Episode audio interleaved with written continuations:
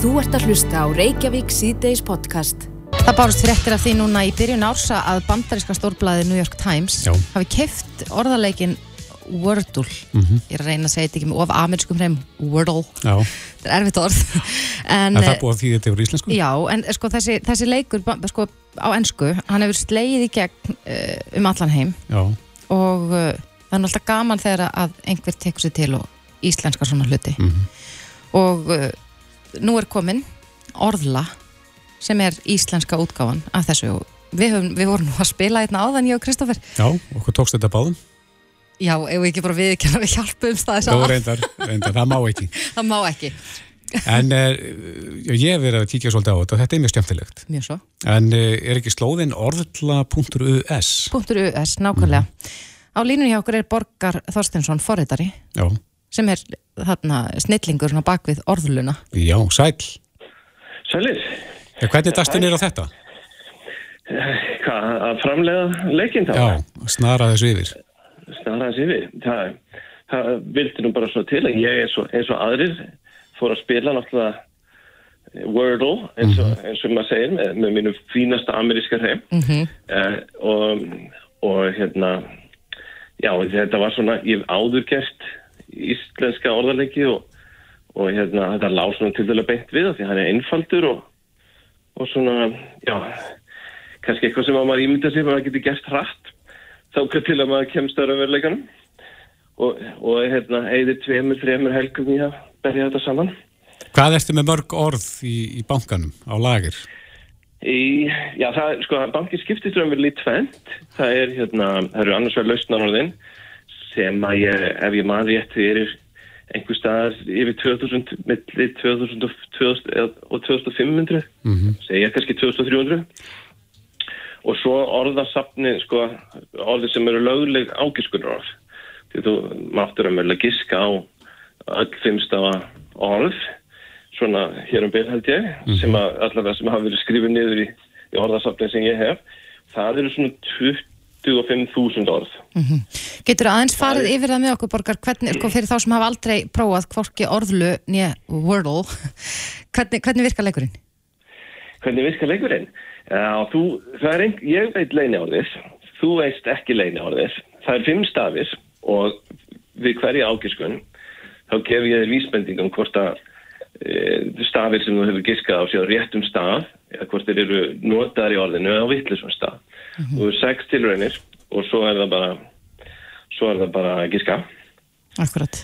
Ég viðkynna það að þegar ég opnaði orðluna í fyrsta sinn þá átti ég svona pínaritt með að skilja en svo var einhver sem sagði við mig að þetta er eiginlega eins og mastermind sem maður spilaði mjög oft hérna í gamla daga Já, einmitt. og það hjálpaði mér aðeins að, að Ma mastermind fyrir orð það var svona það sem ég tók með mér líka fyrst þegar ég sá þetta að, hérna, en já, þetta er uh, hann er að, hérna, fyrsta íslenskurinn á þessu var reyndar ekki eftir mig en, en hérna, ég, ég ákvað samt að reyna sagt, meðan ég var byrjaður þá kom út önnur og hún er svona svipuð á stærð og, og, og hérna, ég held svona svo ég segi nú eins og ég þá held ég að hann sem gerði það hafi nú aldrei alltaf að koma inn á flug en það finnst nú meira verið að fykta bara Já. Eh, En er ekkert erfitt að vera bundin við fimmstafa orð? Já, það, það er sko, það er til útgáfur sem að leifa þeir að gera allan, allan allt mögulegt. Mm það er, ég séð sjö, áttastafa útgáfur og, og hérna e- einhvers staðar eh, fekk ég link á það sem átt að leina að leysa sko átt, eða fjórar í einu og eitthvað svona sko, fólk er orðið alveg komið með þetta langt út fyrir það sem ég ræði sjálfur sko. Einmitt. En ég held sko, íslenskan er svo erfið. Til að mynda er sko, orðagrunnurinn sem ég er að nota, hann er, hann er tvöfalt stærri heldur en það sem er í ennskunni. Og við erum með miklu fleiri stafi í stafrófin okkar og þetta er bara, það var það fyrsta sem ég ræk með á þegar ég fór að reyna að gera það eh, íslenska leikin er það hversu miklu erfiðari hann var á íslensku heldur en á ennsku. Mhm. Og hérna... En heldur þú utanum, sérðu hversu margir eru að reyna við orðlun á, á hverjum degi? Eða? Já, ég setti nú teljar á þetta og fylgdist eh, grannt með þegar ég var að setja þetta í loftið. ég, það er alltaf svolítið spennandi svona að sjá hvort þetta tekur við sér eitthvað svona. Og maður sá bara línuna fara upp og upp og upp og, og svona svo er ég núna kannski svolítið hættur að fylgjast með en ég held að þetta séu kannski svona fjögur til fjögur 1500 manns á hverjum degi sem er að spila sko eitthvað svo leiðis Og fór þetta rætt upp, segir Já, já, bara þetta var að tvöfaldast á hverjum degi það er fyrstu dagana sko og svo, svo bara sér maður sko maður sér bara línuriti bara klifra, klifra, klifra Manstu það, sko, á þeim degi þar sem að flestir spiluðu? Hver var eh, talan þá? Ég held að það sé bara dagurinn í dagurglega. Þetta hefur bara hækkað síðan og svo hefur svona, myndast svona, hvað skulum við segja, svona heiði á þessu. Þetta hefur orðið svona stöðugt og þetta eru einhver svona, já þetta er komið yfir 4000 manns á dag. Mm -hmm. Veist, maður, maður, þegar ég fer inn á telja, þetta er einhver, bara einhver svona standard Google teljari og þeir, þeir eru að segja sko, já já þú ert að fá hérna eh, hérna 150 heimsóknir á mínútu eða eitthvað og maður er bara hérna, já ok, það er svolítið svolítið magn sko. Já, já, þetta eftir að springa ennþá meir út eftir þetta viðtal en, en e, skal ég segja þér þetta er, þú, það þarf að giska þetta upp á fimm, fimm stafa orði e, kemur eitthvað til með að breyta því það er bara eitt orð á dag, er það ekki? Það er bara eitt orð á dag. Ég, ég held nú að það sé nú kannski, það sé nú kannski líkillin að vinsaldum leiksins er það að þetta er svo, hann er takmarkaður. Þú fær eina gátu og þú að ráða hana og það er, er ekkert lengi að þessu, svona þannig. Bara, þú veist. Er það ekki pínu persónubundi? Ég var mjög lengi á hann að reyna, sko. Jú, jú, vissulega og það er nú, það er nú svolítið misjandi eftir orðum. Sum orðin eru kannski létt, en þau eru svona eitthvað svona sem að eru kannski algengt minnstur í íslenskum orðum, eitthvað sem endar á hérna, þú veist, ína eða una eða eitthvað svona sem að maður kannski líklega til að giska á. Svo kemur eitthvað orð sem er með x í eða, eða hérna uppsilon í eða eitthvað og maður er, eða b eða einhverju svona og maður er alveg hérna og seinast að giski að að þrauka þetta sko Já. þannig að það er, það er alltaf misjætt ég, ég, svona, ég finna sjálfur og ég, ég sest bara niður í svona, hérna, á svona smá kósi stund og, og hérna leysi og svo er það bara búið þegar hérna, Veist þú ekki hvað orð verður á morgun til dæmis? nei, ég, ég, ég, ég gæti komist að því, en hérna en ég, ég alltaf vil bara spila eins og Þú spilar þetta sjálfur. Já, já, ég, hérna, þetta er partur af svona, eh, svona kvöldrútininu minni, skulum við segja, þegar ég sestur í sófanna að reyna að leysa. Og hefur þú klikkað á þessu? Já, já, ég hef klikkað. Já. Það er ekki, ég, er, ég myndi tellja mig ágætan, en já, ég, ég hef alveg, alveg klikkað. En það sem ég held að reyni mest á þólimaðina hjá fólki og maður heyri það, það er að það sé bara eitt orð á dag. Að fólk þurfa að býða í heilan eða eh, þanga til að nýrdagur rennur upp til þess að geta spilað aftur. Já, það er nú, það, það er einhvers framtaksamur, það er bara að setja sig upp. Ég held reyndar að það sé til, til mögulega, hérna, að- aðrir variantar sem að leifa þeir að, að spila stanslust, sko. En þetta er svipað eins og senast þegar ég gerði orðaleik þá, þá hérna ég veit ekki hvort að hvort fólk kannast við orðavinduna sem að var, var eh, stöðvaði alla skrifstofinnu á Íslandi fyrir tíu án síðan. Eh, þá, þá það var líka svona þú veist að giska á orð og, og hérna og hérna svona að reyna að finna lausnar orð og eit- eitthvað slikt en, en þar er maður að giska á fleiri orð og þá fekk ég frá notendum að segja sko, ég, ég vil ekki hafa þessi tímatakmörk sko, við að leysa borðið. Ég vil bara geta fyllt þetta út og bara verið að því allan daginn sko. Þannig að En er þetta ekki bara svolítið eins og, ég má ekki bara aðeins líka svo við línulega dagskrá?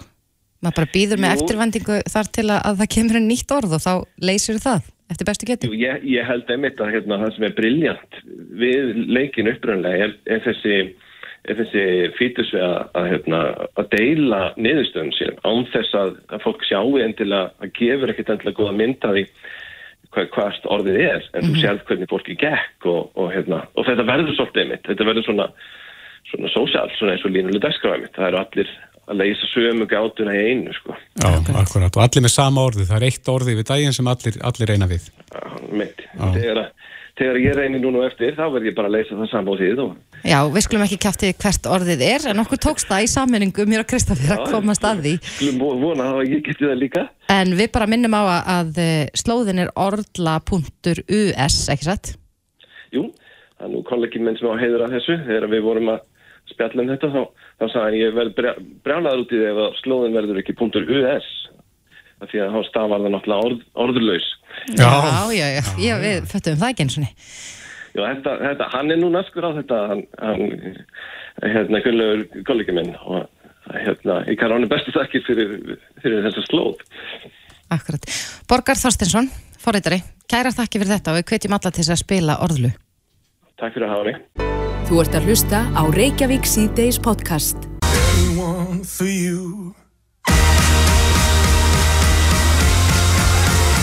I could love you, I could be anything you want of me. And in the darkness of the night, baby, let me be your light.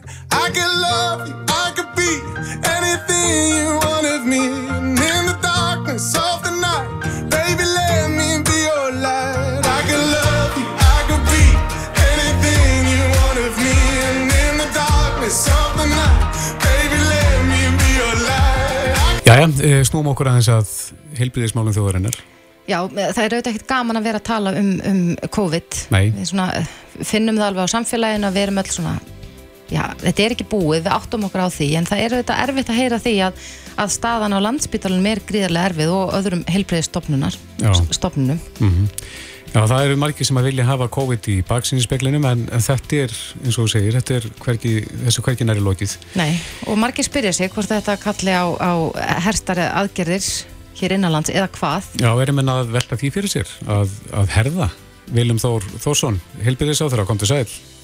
Já, komið þið sæl og, og, og vona þessi spurt og, og við auðvitað upplifum það kannski eins og þið lýsið í samfélaginu að þetta sé svona svolítið að baki en, en, en uh, þetta er nú kannski þungur róður áfram fyrir helbriðiskerfið okkar og, og, og svona skapl sem eh, við sko höfum hort á gerast uh, hjá þeim þjóðum sem hafa farið þessa leið að aflétta öllu þá hefur uh, þungin aukist inn, í, inn á helbriðistofnun. Er, er þungin enn að, að aukast eða erum við fann að sjá okkur topp? Hann er, hann er svona aðeins floknari vegna þess að þetta er mjög smitandi afbreyði og þegar við afléttum svona öllu og þá og var við búið en kannski í meira mæli en maður var að binda vonum við þá, þá kom upp smitt inn á stofnunum og svo eru þetta spítalinn eftir sem áður að, að taka á móti þeim sem þó veikjast. Þó að það sé í minna mæli í samræmi við svona heldar smittölur þá er eh, samt sem áður en þá, þá eru það ykkur sem að þurfa á aðstofa að halda.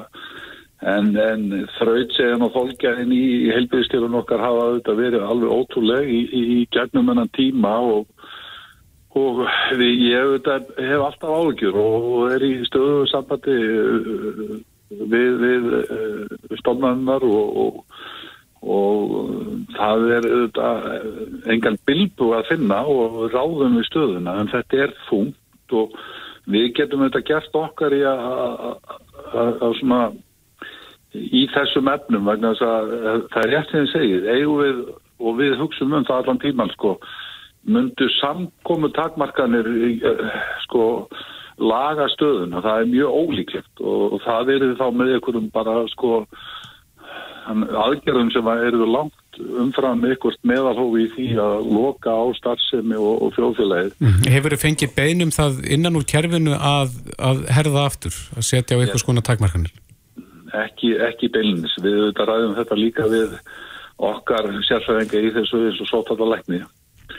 Og þetta var auðvitað mjög mikið til sko, umræðu hvernig við færum í þetta aflýningarferli. Við tókum þetta svona hægar og í skrefum heldur en kannski margar aðrar þjóðir og, og, og, en þetta er tímabundið ástand og við verðum að horfa þannig á það og fara í gegnum hennan skap. Ég veit að það er til mikil smælst uh, þetta álaga á okkar helbriðstafsfólk en við erum líka samhliða með öllum ráðum að góða með lausnir og, og spítalinn og heilbriðistofnanar hafa verið mjög útsjónasamar í að bregðast við þessu og með, með breytt, breytri vaktskipan og viðbótar vinnuframlægi og, og svo fólk fleipuðin tilbaka og bakvarasveitir og við erum líka, því að það kemur svona við og við líka þetta ála og bráðamótökur sem við þekkjum mm -hmm. að, að reyna að losa um plás og, og og svo verðum við auðvitað líka að fara að huga því að eftir þetta langan tíma að huga endurheimtinni fyrir þetta frábæra stafsfólk okkar. Akkurat, en, en það er núna vika liðin síðan að Þóruður Guðnarsson sæði viðtalja að, að hann teldi að toppnum væri náð á kórunum verið faraldrunum. Er, erum við búin að komast að því hvort að toppnum sé náð? Þetta hefur aðeins kannski varað lengur. Þetta eru svona 2000 til 3000 smitt á dag og ég bind vonið við það eh, þegar við tölum um þessi tímanbundi þetta fari nú að, hjána. Mm -hmm. En uh, viljum í gær bárast fréttra af því að uh, þú hafið já, lagt til uh, í þinginu að sömu lög gildi um nikotínvörur og gildi um tópaksvörur All, alveg úr einu í annað. En, en þetta hefur vakið svona já, misjöfn viðbröð ég las einhvers þar á, á, á netinu að einhver kallaði þetta aðfyrað unga fólkinu Hvað, hvað viltu gera með, með þessari breytingu? Uh, hér er í raun og veru verið að setja bara skýra reglur um heimildir uh, og sko, til sölu og markasetningu á, á nikotínvörum, ekkert ósvipað og gildir um lögum rafrættur og áfyllingar uh, fyrir rafrættur. Það hefur verið kallað eftir þessu bæði af, af, af, af þeim sem eru að notfæra sér þessa vörð og ekki síst þeim sem eru að handla með þær og sísla með þær. Þannig að hér er nú bara verið að bregðast til því svona, ekki, þetta er mjög sambarðið það sem gildir um í, í Nóri og nákvæmlega okkar hafa gert. Þannig að við erum bara að setja þetta inn í regluverki okkar. Mm -hmm. en, en svona nikotínvörur sem eru með, með nammi og ávakstabræði hafa notið mikill að vinselda hér. Eh, verður það semst ef að þessi breyting fyrir gegn verður reynilega bannað að selja slíkt hér á landi? Já, hér er svona megin, megin efni til í þessum lagarama, þetta er auðvitað líþelsumál og, og, og við erum að hugsa um börn og úlinga og þannig að átjánar aldurinn er viðmiðið í þessu þeir sem selja og, og þeir sem mega kaupa og e, þannig er hort til bræðtegunda af því að og kannski það sem að væri vinnselt á fyrir, fyrir börn og úlinga væri maður uh, ávakst á nammibræðin eins og það er orða í frumarpinu en, en, en ef þú, þú orðin átjónar og mátt ekki kaupa þá er spurning sko á hverju það bitnar og svo er sko fjölbreytilegin í þessum bræðtegundum það mikill að það er kannski erfitt að sko átt að sé sérstaklega á því hvað, hvað það, hversu langt það myndi ná. Þetta er eitt af þeim atriðum sem að ég myndi giska að þingi myndi fjallum og, og velferðinemnd og fá umsaknið við. En er ekki lægja fullori fólk sem hefur aldrei til þess að nota svona að það uh, fái hvaða bragðefni sem það kýs? Jú, það er akkurat það, það, það sjónami sem er á móti í þessu en, en, en En, en ég, svona, þetta er eitt af þeim aðröðum sem ég á alveg vona á að fá umræði í, í þinginu. Þetta eru svona vísbendingar um að sé, sé vinsalla meðal eh, barna og ólinga og gæti svona uh, virkað en, en, en það er erfitt að metta það. Já, og talandum að fara úr einu í annað. Uh, ég sé hérna fyrirspurt sem að likur fyrir þinginu til menta og barnamálar á þeirra. Þetta nú snertir samt til málarflokk. Já. Það sem að Helga Vala Helgadóttir, þinkon er að spyrja menta og barnamálar á þeirra um uh, hérna mentun sem að, heilbyrðismentun sem að aflað er annar staðar í heiminum. Fólk kemur hérna sem hefur kannski mentun frá sínu heimalandi, mm. er síðan í allt öðrum störfum hér að því að það hefur ekki löggildingu í heilbyrðisstarf. Því að nú er, er skortur og heilbyrðismentu við fólki á Íslandi. Sér þú fyrir þér að, að það fyrir að rýmkaðast til varðandi þetta?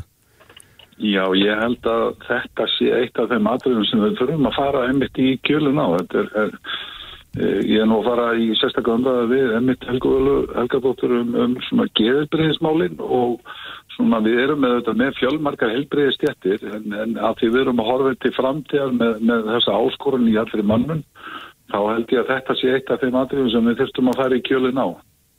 Já að gera fólki kleift sem hefur helbriðismentum frá sínu landi að, að fá löggildingu á því hér? Já, sko, þegar, þar sem það á við, það eru þetta í höndum landlæknis að meta uh, slíka löggildingar og, og, og svona, uh, já. En höfum við verið á stíf í þessum álum hér? Ég bara er ekki, ég skal bara viðkenna hér og nú að ég er ekki kannski kynnt er það nægjala til að fullir um það. Nei. En eh, vegna þess að það vantar aukin fjölda hér, á að gera eitthvað til þess að reyna að fjölga í Já, námi þá í háskólanum?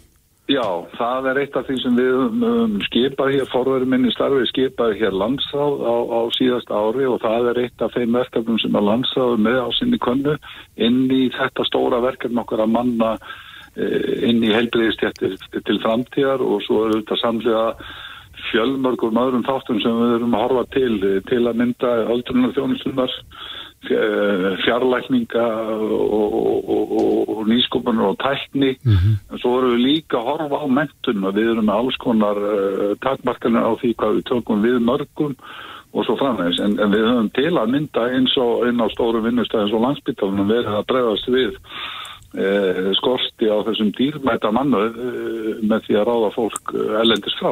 Já, hér líka skortur á heimilisleiknum. Já, það er bara, þetta er mjög dýrmætur mannur sem er takvort og öðlind og, og við þurfum líka að fá allt kerfi til að vinna bara betur saman, sko. Að þetta byrtist allstæðir í helbiðiskerfinu. Þetta er, þetta er eiginlega risastórt mál. Þetta er það sem þið dræðir fram hér og Helga Vala er einn ángi af því. Mm -hmm. Já, það er greinlegt að það er í mörg hortna líta í helbriðismálunum en Viljum Þór Þórsson, helbriðisáþra, kæra þakki fyrir þetta og góða helgi. Takk eitthvað kjalla á sömu leiðis. Þetta er Reykjavík C-Days podcast.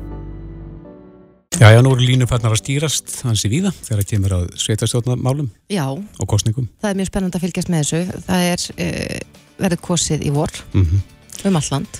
En framsónaflokkurinn hefur nú ekki verið að ríða feitum hesti hér í borginni uh, undanfæri misseri en uh, það er spurning hvað gerist núna. Það virðist vera meðbyr með flokknum Já. að vera við síðustu Já, alþengiskostningu. maður fann það alveg augljóslega og, og ég var nú bara að, að, að hugsa um það á þann ég finn það í kringum mig, fólk á Mhm. mínum aldrei farið að hallast í þess átt, Já, þannig að það er spurning hvort að, að það verði breyting í borginni í vor eða ekki. Oddviti flokksins í borginni er komin til okkar, Einar Þorstensson, velkomin. Takk fyrir það. Þú ert farin að fara á veiða atkvæða það ekki, við fréttum að það er í sundi í morgun. Já, þið voru að reyna að ná í mig og, og, og það voru fullt af SMS-um og ósvörðum síntölum þegar ég kom upp úr. Ég var náttúrulega bara að ræða við kjósendur, borgarbúa og hérna, það er alveg hár rétt í ykkur, það, það er meðbyr með framsók. En hvað vildi fólk ræða við þig? Ég, við vorum nú að tala um alls konar mál. Þið veitir, heitupotturinn, það er allt bara í, eh, það er hægt að ræða um öll mál þar og eh, ég veit ekki, ég heiti tvær eldri konur sem að voru að ræða um þjónustuna í, í borginu og, og eh, ég heyri það að, að fólki líður vel í Reykjavík. Það er margt sem hefur verið vel gert hér og, og ég er ekki að koma inn í þessi stjórnmál hér í borginni til þess að segja það að, að meiril sem núna stýrir borginni að hann hafi verið algjörlega ómögulegur, ómögulegur. Eh, það er ekki þannig og ég fólk veit það. En, en það er líka margt sem að má bæta og uh, við erum í framsókn að bjóða okkur fram núna uh, upplöfu listi sem að kynntur í gær sem að uh, ég er aldrei stoltur af þessum lista. Ég ánaði með uppstillingar nefndina og, og kjördamis þingið sem að kausa í gær uh, hann er fjölbreyttur fólk úr mörgum uh, ólíkum uh, borgarhlutum með ólíkan bakgrunn og ólíkar skoðanir líka en, en samt svona grjótörð í því að, að eh, bæta borgin, að láta gott að sér leiða það, um það snýst þetta, þetta snýst bara um það að láta gott að sér leiða og við Já. erum ætlum að gera það Er þið, er þið byrjuð að- að ræða hverjar svona helstu áherslur ykkar verða fyrir komandi kostningar?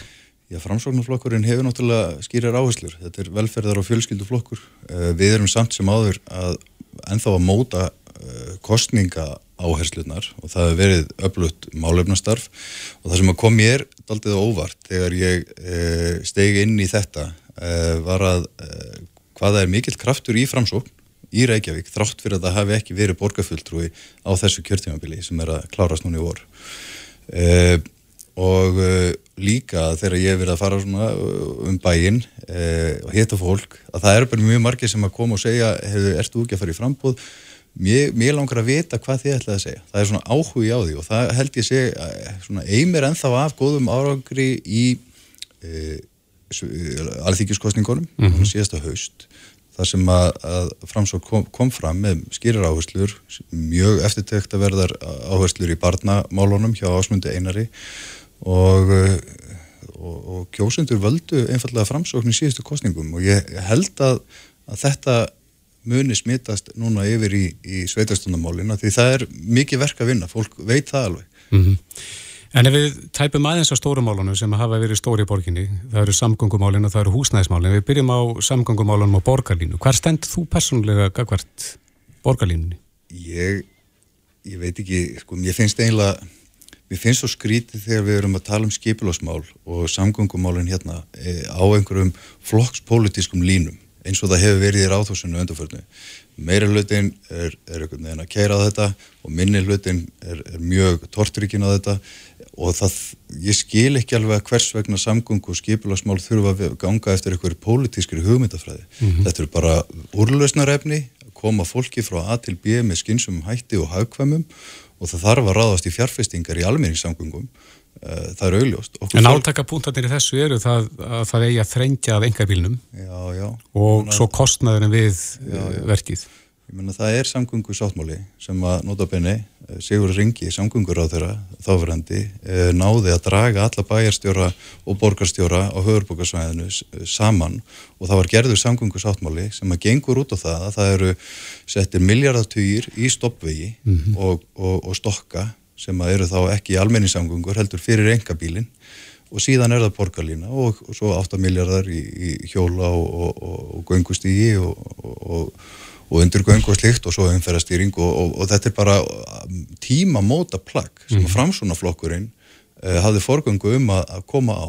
Þannig að stiður þú verkið eins og það likur fyrir núna? Já, ég menna, ég, ég sé bara að, að, að það þarf að ráðast í stórsókn í uh, strætómálunum og mm. borgarlínan er ein leið til þess.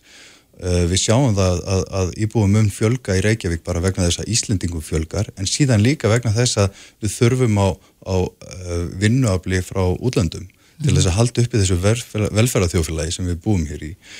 Og uh, einhvers þar verður þetta goða fólk að búa og við þurfum að stækka, við þurfum að byggja meira. Þannig að þá þurfum við að byggja skinsamlega, það þýðir ekki að byggja bara hvar sem er. Það þarf, nú er búið að gera planu það að, að hafa borgarlínu og byggja þetta byggðina í kringum hana á þessum stóru uh, umferðar ásum sem að uh, hún uh, eins og hún er sett upp. Og ég finnst það skinsamlegt en auðvitað hugsamæður það er, þetta kostar mikla peninga og það eru margar stilli skrúfur sem að stjórnmálamennir og, og betri samgöngur sem að reyka þetta verkefni þurfa að halda þétt um þannig að þetta fari ekki einhvern veginn bara út um viðan völl og, og kostnæðurinn aukist.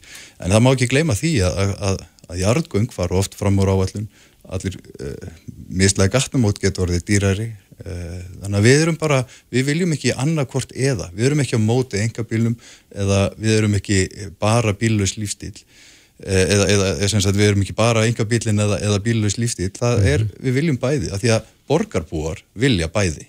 Og þá þýðir ekki að, að ráðhúsi sé bara með einaskoðun og vilji mhm. bara eitthvað eitt Akkurat, þú myndist aðeins á hérna áðan að, að framsóknarflokkurum væri já, með áherslu á, á til dæmis barna og fjölskyldumálum.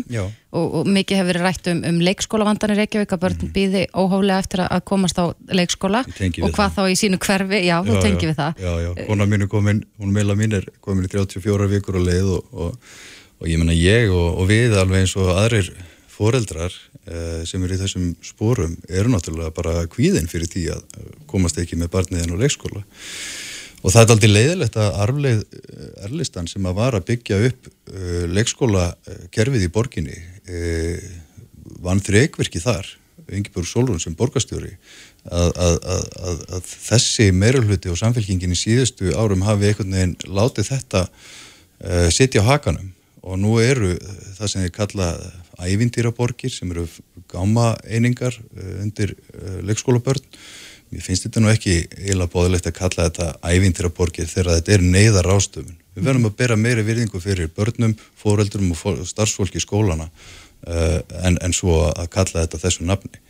Uh, það þarf að, að, svona, ég myndi segja, það þarf að endur forgangsraða uh, í, rað, í ráðhúsinu og við viljum í framsók setja málefni fjölskyldunar á þetta Uh, leikskólamálinn, innviðirnir í skólakerfinu, ég menna það eru það er svört skýsla um ástand uh, skólabyggingana, mikla og, og þetta er ekki gott. Þetta er ekki gott fyrir skóla starfsfólkið kennarana og ekki gott fyrir börnin. Og við sjáum líka þessi reyði maður fyrir á hverfafundi og það er foreldrar og, og íbúar eru, eru reyðir og þetta er ekki gott. Það þarf ekki að vera svona eitrað eitthvað neginn Nei, við töluðum aðeins um samgöngumáluna og, og þú nefndir aðeins hérna uh, lóðamálin Já, á að, á að þjætta byggð eða á að dreifa byggðinni sko, og það hefur verið er- talað um þetta lóð, lóðaskort Já, já, hann er svo sannlega fyrir hendi. Þetta, þessi spurningur svona, þú spyrð, á að þétta eða dreifa Mhm. eh, og þannig er umræðin líka í ráðhúsinu. Eh, við viljum gera bæði, af því að það þarf að gera bæði. Við sjá það að það er, er skynsum í því að þétta byggð. Og eh, þá nýtast innviðir og eh, þá nýtast almenningssamgöngur betur. Og það eru margir sem vilja búa þétt. En það eru líka margir sem vilja búa í útkverfunum og þá þurfa þeir að, að fá að gera það. Aðalatriði það að e, að lóða skorturinn hann er heima tilbúin hjá samfélkingunni og, og meira hluta flokkunum núna e, þau hafa ekki viljað byggja eða þau eru ekki farin á stað í, í Kjeldnarlandi til dæmis sem að er þó grundvöldurum fyrir því að, að fjármagna borgarlínuna uh, og, og samgöngusáttmálan þannig að, að, að það var hlutur ríkisins uh, sem sagt gaf uh, betri samgöngum þetta uh, land til þessa fjármagna selja lóðir og, og fjármagna þessa, þessar almenni samgöngubætur. Og svo er Úlfarsáttdalurinn og, og, hann er ekki jafn stór og, og samfélkingin vildi þegar Steinun Valdís var borgarstjóri, þá átti þar að vera 20.000 manna byggð.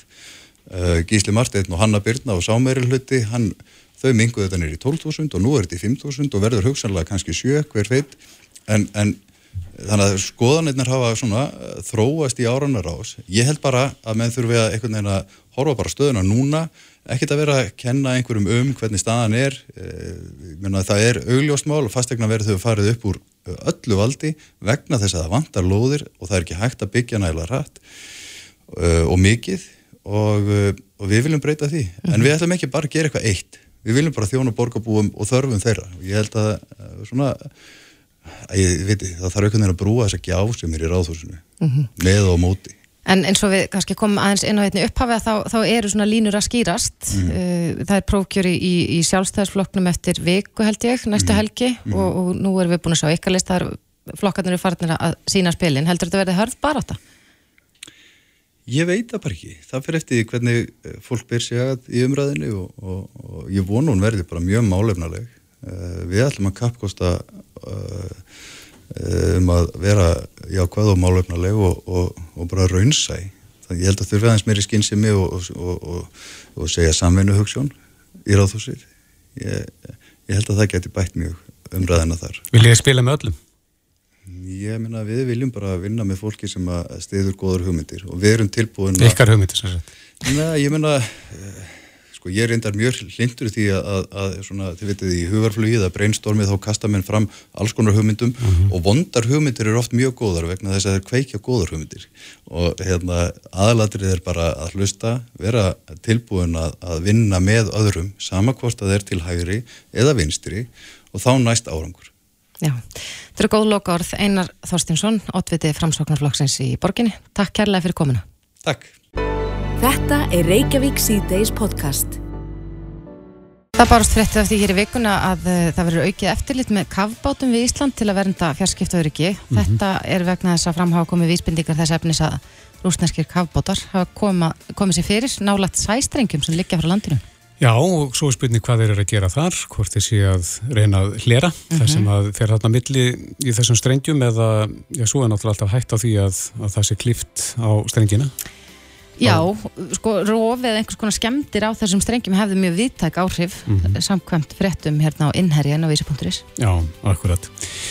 En svo er spurning, í hvaða rétt eru við hér sem þjóð til þess að uh, sísla með það sem er þarna á hafinu og í hafinu. Á línunni er Bjarni Már Magnússon, profesor og sérfræðingur í Hafrétti við Háskólan í Reykjavík, komdu sæl. Já, sælum að það er. Já, við erum, er það ekki öllum rétti til þess að, að hafa eftirlit með því sem að gerist eh, hérna í kringum landið? Jú, jú, það, það, það er, það er, jú, jú, við, við höfum alltaf ákveðin rétt þar, það, þar skiptir máli uh, nokkuð veginn í, í hvaða sett uh, loksu best vörum, því hafið er ekki bara eitt svona lögfræðilega, Nei. heldur skiptist það niður í nokkuð belti og þau belti sem að skipta mestum málum fyrir Ísland þá er því svo kallar innsæði sem er fyrir innan landelgi, svo kemur landelgin svo efnarslösan og, og reglurnar eru svona ólíkar þar. En e, ef við erum að hugsa um sæstrengina þá er það svolítið áhugavert regluverk. Því það er ekkert sérstaklega þróað sem kemur kannski svolítið á óvart með að við mikilvægi þeirra fyrir nútíma samskipti.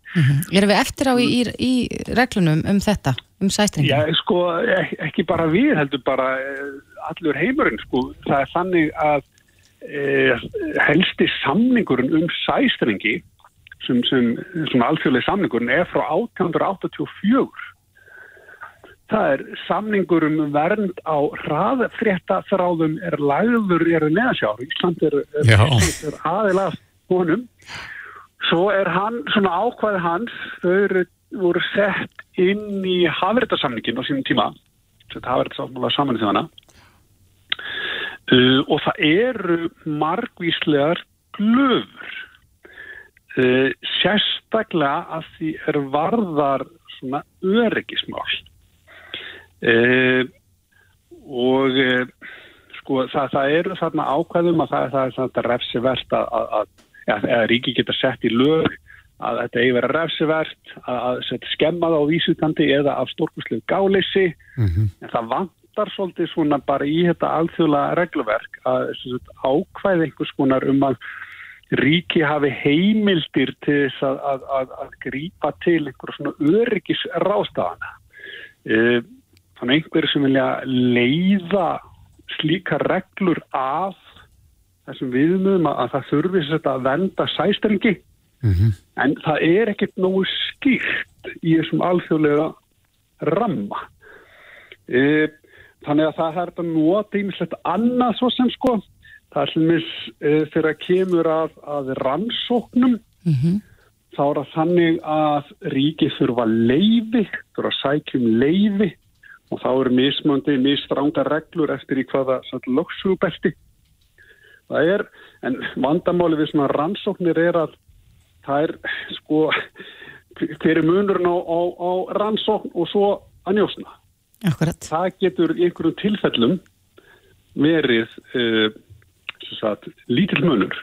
Og það, það, það og, og það, það er svona ef það er herskip að, að stútir eitthvað sko sæstrengi, það myndum við sérstaklega ekki þau eru kannski ekki að sækja um leiði að það farið slíka Nei, legra. það er bara farið í svoleiðis aðgerðir Já, já, það er náttúrulega líka eitt sko, þau verum eitthvað regluverk mm -hmm. og svo hvernig hvað ríki gera, það er svo annað sko Einmitt. og það er, sko, og þetta skiptir svolítið miklu máli sko, eins og segja varandi hérna sko þessi, þessi loksugubelti Uh, og það er nú þannig að uh, sko réttur ríkja til siglinga satt, satt, bara allar ríkja heimila skipum sem siglundi fána þeirra til siglinga er satt, mjög ríkur mm -hmm. Heyr, Heyra kápbátar undir einhver aðra reglur eða er það bara Já, sko, sama? Það er, það er sérstök regla um kápbátar sem sigla í landhelginni þeir þurfa, þeir eru í svo kallari friðsamlega ferð að því að þeir eru að sigla millir tvekja stað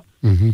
en það þetta er einn út úr landhelginni eða í höfni eða eitthvað fylgis en það er að þeir stúra þá að vera ofan sjávar og sína fána sinn. Annars eru þeir ekki að haga sér sem sagt, með, með lögulegum hætti. Er En það hvernig- stundað? Já. það er skilda í landhelginni. Auðvitað er náttúrulega getur íslenska ríkið heimila eitthvað, eitthvað annað sko. En nema, nema sko að, að íslenska ríkið samþykja eitthvað annað Já, þá er reglan alveg skýra þau, þau eiga að vera og maður sér Ísall landhelginni landhelgin er sér tólsjómilur Mhm. frá svo kvöldum grunnlínum. Svo kemur þá efnaðslöfsan sem er 200 sjómilur þar geta kafbótar verið á kafi. Já við höfum minnað um, um það að segja. Já, við höfum minnað það að segja og það má kannski segja sko stundum er svolítið rugglingur Mhm. það, sko þetta er mörg svona belti og það er mismöndi reglur. Og í, ef- í efnaðslöfsunni það sett fyrir utan þessar 12 sjómilur uh, sem landhelgin er að þar eru þessar reglur um sko siglingafelsi mjög ríkar Mhm. fyrir þess að erlendi ríki. Þetta er þá önnur staðar heldur sem, sem fiskveðar. Það er miklu, það miklu, það miklu erfiðar að takmarka þá einhvers konar siglingar og það þá við um sko herskip og hvað sem er um sko kaupskip eða herskip. Já. Það skiptur um Ei. 200 sjómulur skiptir ekki öllum málinn, það er kannski 12 sjómulunar sem eru skipta meira máli þegar það kemur á svona öryggis. Akkurat, Eh, en, en Bjarni, eitt hérna sem að, að því að grein eh, Baldurs Þóraldssonar, stjórnmálafræði professors, vakti mikla aðteklum daginn þar sem að var að setja upp svona sviðsmyndir eins og til dæmis ef að eh, upp úr einhverju snettju hér, rúsneskri snettju, kæmu hópur manna sem að myndi taka yfir, Já, já. gæti tekið yfir landið, þú kannski lesið þessa grein, Já, en hann myndist á uh, snekkju, rúsneska snekkju sem að var hérna mikið á síðasta ári, lómaði úti á skrítnum stöðum. Hvaða rétt hafa stjórnvöld til þess að fara um borð í slíka snekkju til þess að aðtóa hvort að sé eitthvað njósnabúnaður þar? Já, sko, það, það, það er nefnilega, sko, það er að koma aftur að, að þessum loksugubeltum. Sko, ef það eru er í efnarslósinni Mm fyrir utan og, og þá, þá er, er mjög erfitt að, að fara í slíka aðgerð. Já, þessi var nú bara inn í einhverjum fjörðum hérna. Já, það, það er þá annar mál að því að, að það er náttúrulega það eitt sko að ríkið þarf einhverja heimild að geta farið inn. Það þarf að vera einhver grunur um að það sé einhver brot ef að ef þau eru ekki að gera neitt hérna eru bara búin að fara inn í höfn og eru hérna í, í að því í lögmættum tilgangi e, og maður sko ríkið þarf náttúrulega einhverja sko sko ef það er ekkert eitthvað sérstætt þá þarf náttúrulega að hafa einhverja fórsendur til að geta gert eitthvað sko. Þarf að vera einhver grunur um að, að, að já, mögulegur njósnabúnaðar gæti verið um borð? Já, sko, þetta fer svolítið, sko, þú, það eru þarna, sko, ég skal bara segja, það vantar svolítið reglur um svona þessi mál uh, helendis, en það var þetta, ja, ef það er einhvers líka grunnsendur, þá er þetta rekað í burtu. Það er ekkert mál. En ekki að fara um borð og, og kanna málið. Það er þá erfiðara, sko, og ég vil bara uh, viðkenna það, ég hef ekki skoðað þetta sérstaklega með tilliti til þess hvort sett með njósnabúnað eða ekki. Þetta er svona svolítið, hvað, þetta er ekki spurningar sem að færa hverjum degi, sko. Nei, en þetta er náttúrulega mikið svona í umræðin í dag Já, eh, já, í, er það. í kjölfar innrásarinnar í, í Úkrænu.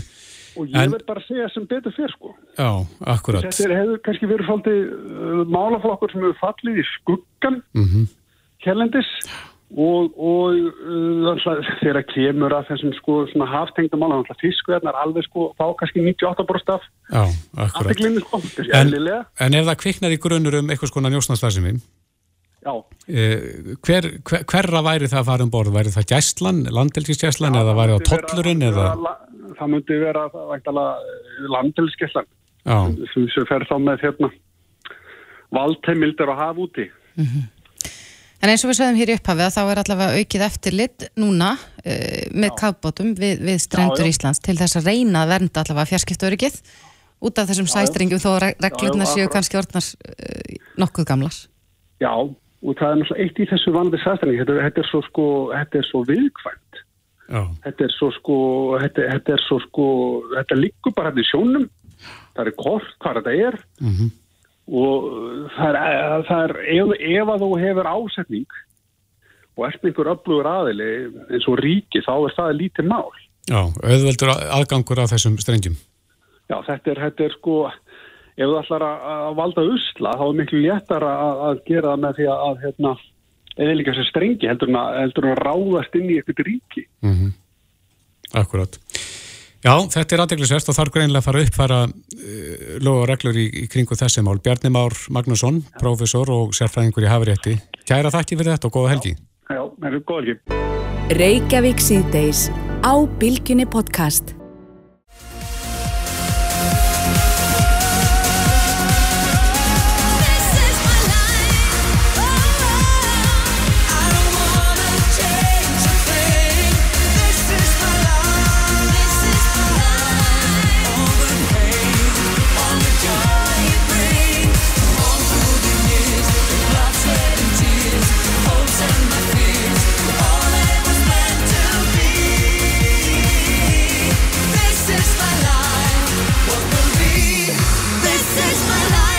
Frábært. Fylgur smellur maður. Já, Eurobandið og This is my life.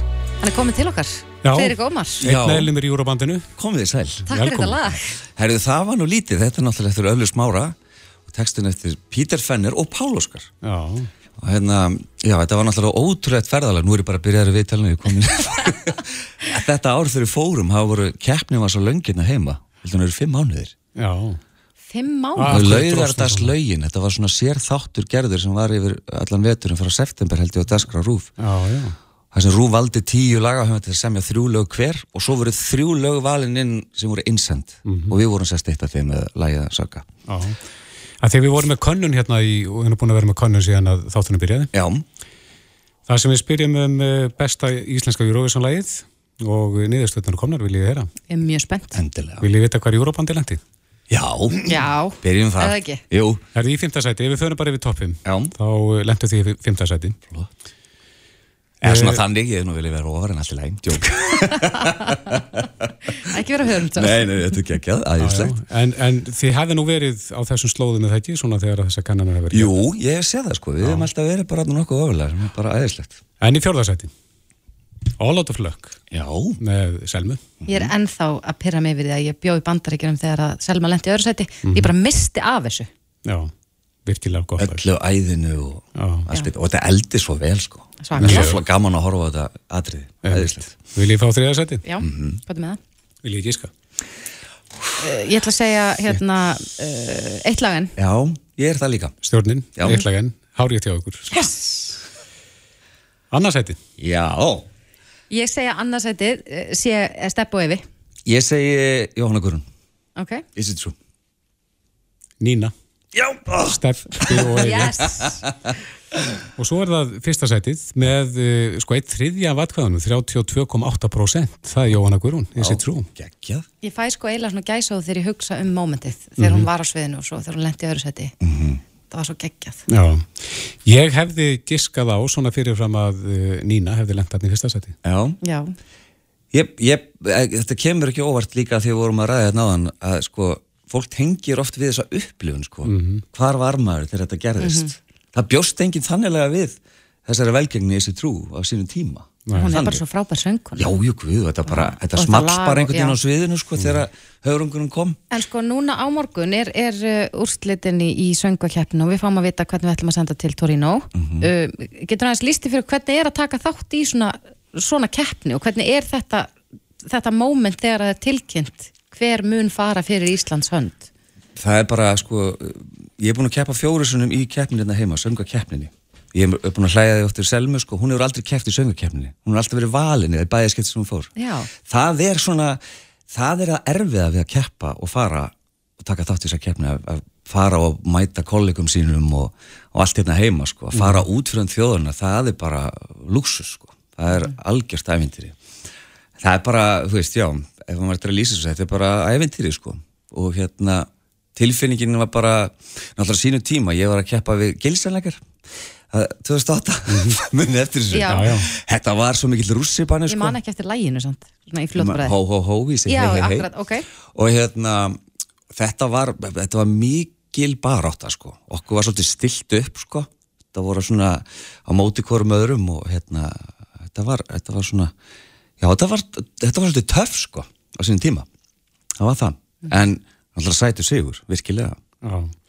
En hvernig er að standa síðan á sviðinu þarna úti? Það má ekkert klikka, þetta er allt í beinni. Nei, nákvæmlega, bara það er ótrúlega gaman, við vorum fyrst á svið og þegar við keftum setna undan og svolítið kvöldinu og, og það var mikið gæsræring sko um, næsta á svið var einmitt Charlotte Perrelli sem að vann Selmu 99, hinn sænska Já. og hérna við vorum svolítið svona við vorum að smá sjokki þegar við komum út veist, það sem við vorum í sviðspildinni það var svolítið svona eins og desktop svona screensaver, það var ekki búið að gera neitt fyrir okkur. Svo kom sænska atrið og það var alveg trubla sko, en svo gekk okkur miklu betur, reyndar. Hefur þetta mikið breyst? keppnin, Já. já og ekki síst bara uh, En umgjörðin svona hérna á Íslandi og það, þú komst nú aðeins inn á þetta áður en fórum í lofti, var þetta búningan eitthvað? Já, sko, þeirra, sko, umgjörnandi heim og, og náttúrulega hvernig standa keppnindi heima hefur náttúrulega bara, þetta er allt annað, sko, bara miklu, miklu betra.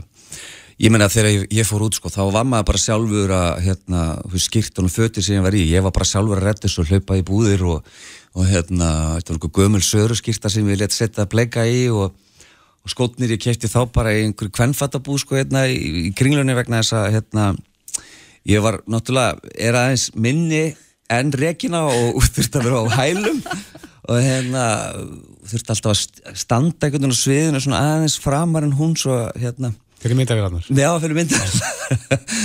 hérna, í dag er, þú veist, það er bara, það er bara fólk í þessu, sko, skiljiði.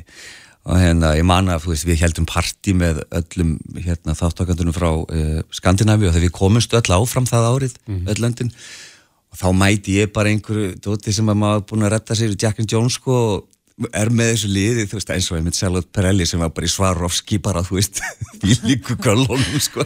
Maður var svolítið utan að landi. Já, við erum svolítið sveit á hérna Íslandi. Já, já, en, en, en þetta er breytt í dag sem betur fer. En, ok, snúum okkur aðeins að morgundeginum. Mm Hvernig heldur þetta að fari? Þetta er svona, sko, það er tvent, sko, hvernig mig langar til þess að fari eða hvernig ég held þetta að fari. Um, Ég held að uh, þá sem, það atrið sem þarf að vinna verður ekki eitthvað döður, ekki spurning, það er verða í, í tótt tveimur. Það er bara spurning, ég sé nokkra sviðsmyndir hver fer á mótið þeim, sko. En ég held að þetta verði, ég hef einhvern tilfyrning að þetta verði mikil kvennabarata í ára á toppnum. Já. Já, þannig að hérna, þetta verður, Hver fær þitt atkvæði? sko ég persónulega bara er alveg svakalega heitlaður af, af sístónum þremur og læginu þeirra. Bara þegar ég heyraði útvarpinu mér finnst þetta alveg frábært lag og það bara, ég svo að það muni lifa góðu lífi. En svo er ég líka, ég elska röddina í honum Stefáni. Bara, hann er bara að mínum að þetta er svona það er bara langt síðan ég man eftir einhverju svona rödd, karlrödd koma fram. Ég er rosalega ánægð með það Hann líka vann, sko, hérna í, í fyrsta undan úrslita kvöldinu. Mm. Að hann svona, bara sagan hans og hvað hann var einlægur. Hann alveg svona, fekk hjarta til að slá. En mér finnst, mér finnst bara, þetta, þetta lag er rosalega mikið svona radiolag, finnst mér, og hérna, og það er, það hefur verið ákveð að fara svona mjög einfalda leið í sviðsetningunni sem að, kannski að mínum að þetta er kannski aðeins of einföld. Ég hef gert eitthvað kannski aðeins meira. En hérna, ég, þetta er ómögulegt, svo kemur Katla þarna, ég hef ekki búin að horfa hennar atrið núna þrísvar og hún er alveg geðveik, hún er ríkalega flott. En einn spurning, sko, nú man ég ekki alveg hvernig þetta er. Uh, syngja þau ennsku eða íslensku á morgunni? eða er bara loka útkom, útgáman þeirra verður á Sko, morgun? eh, þú þarft að velja sko fyrir lokakvöldi hvort það ætlar að gera og þannig Já. átt að flytja þessast út í stórukefninni. Mhm. Ég held, mér skilst að Reykjavík þetta blandi íslensku og ennsku Akkurat. og hérna, ég sá að Stefán ætlar að syngja á íslensku, halda sig við það Mhm. og ég held að sýsturna gera það líka ég, aðeins ég viti það sko, það er eitthvað sem Ég, ég held reyndar sko að þær séu bara með íslenska útgáfa af ég bara skil, það var ekkert til nei, nei, nei, nákvæmlega. held Þetta það. náttúrulega eru alveg sko fáranlega reglur, ég verða að segja eins og það sko, að Já. hérna þurfum við að syngja á íslensku fyrir að kvöldu og svo, svo breyta því sko. Þetta Mm. er bara lag sem hún semur og, og hérna það hefur verið að tróða hendin hún í Sko, kokið á sko. eiginlega í raun. skemmtilegast að vita var þegar að, að Haffi Haff, náttúrulega Mm. geggjaður að hlusta Volcano Mhm. og svo já. það var ekki sama lægi Nei, nei, nei, nei, það er það ekki sko og það, þetta, það, bara að breyta ég veit að Rúf er, hérna, þú veist ríkistofnun og menningarstofnun, við þurfum að halda þetta um íslenskuna en þetta, þetta svona æ, ég veit ekki, minnst þetta ekki málið. Er það spurning hvort við heyrum bara uh, lægið sem lendi efstasætti okkur í, í könnuninni? Já, klassík. Jóhannu Guðrún og Isi Trú, en uh, fyrir gómar, kæra þætti fyrir uh, komuna og góða skemmtun. Takk og góða skemmtun bara. Was it you?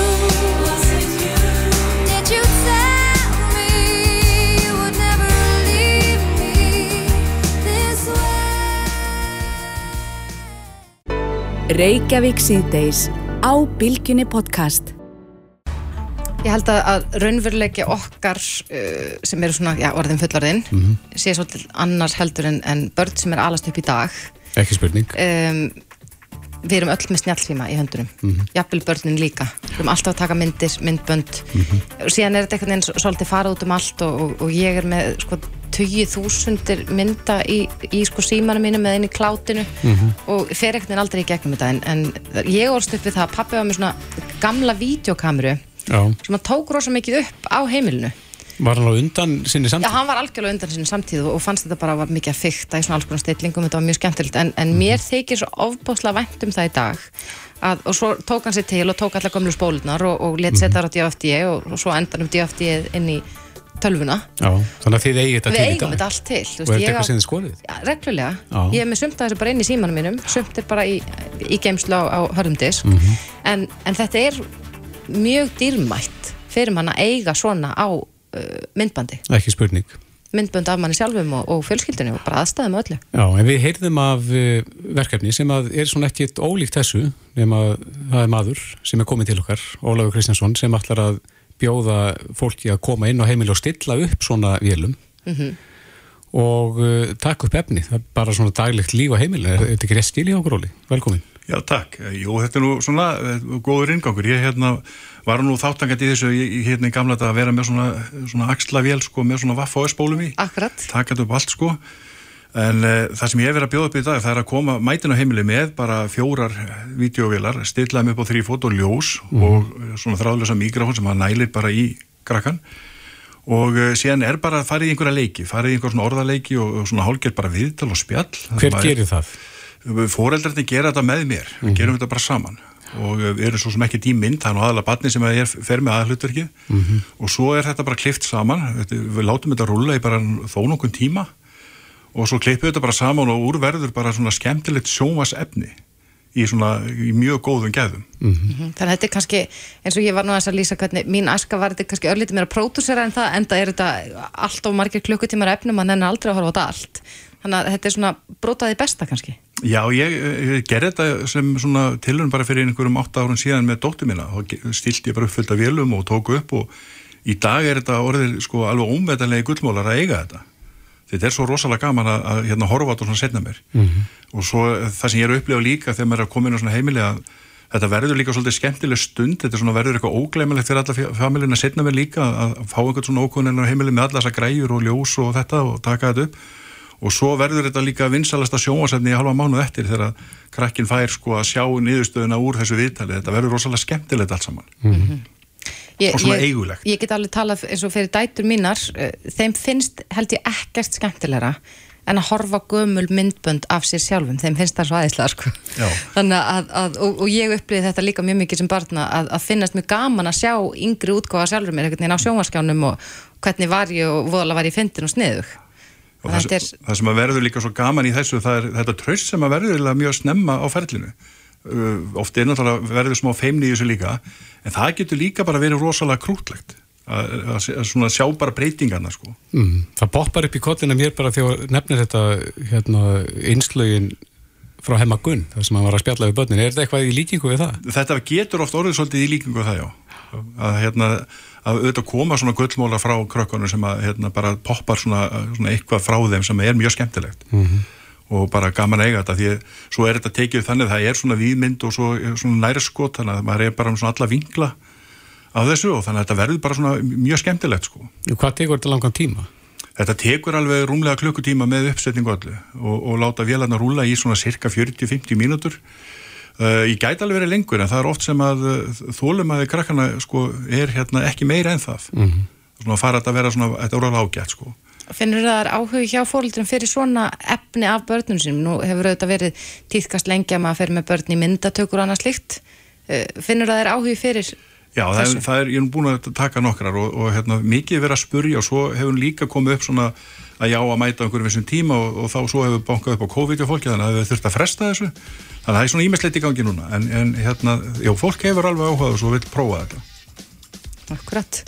Já, ef að einhverjar að hlusta og er áhuga samur um þetta, ef það hafa samband við þig, Herru, það er bara netkynning.is einfalt og gott. Ólafur Kristjánsson, kæra þakki fyrir komuna. Takk fyrir mig Hlustaðu hvena sem er á Reykjavík C-Days podcast.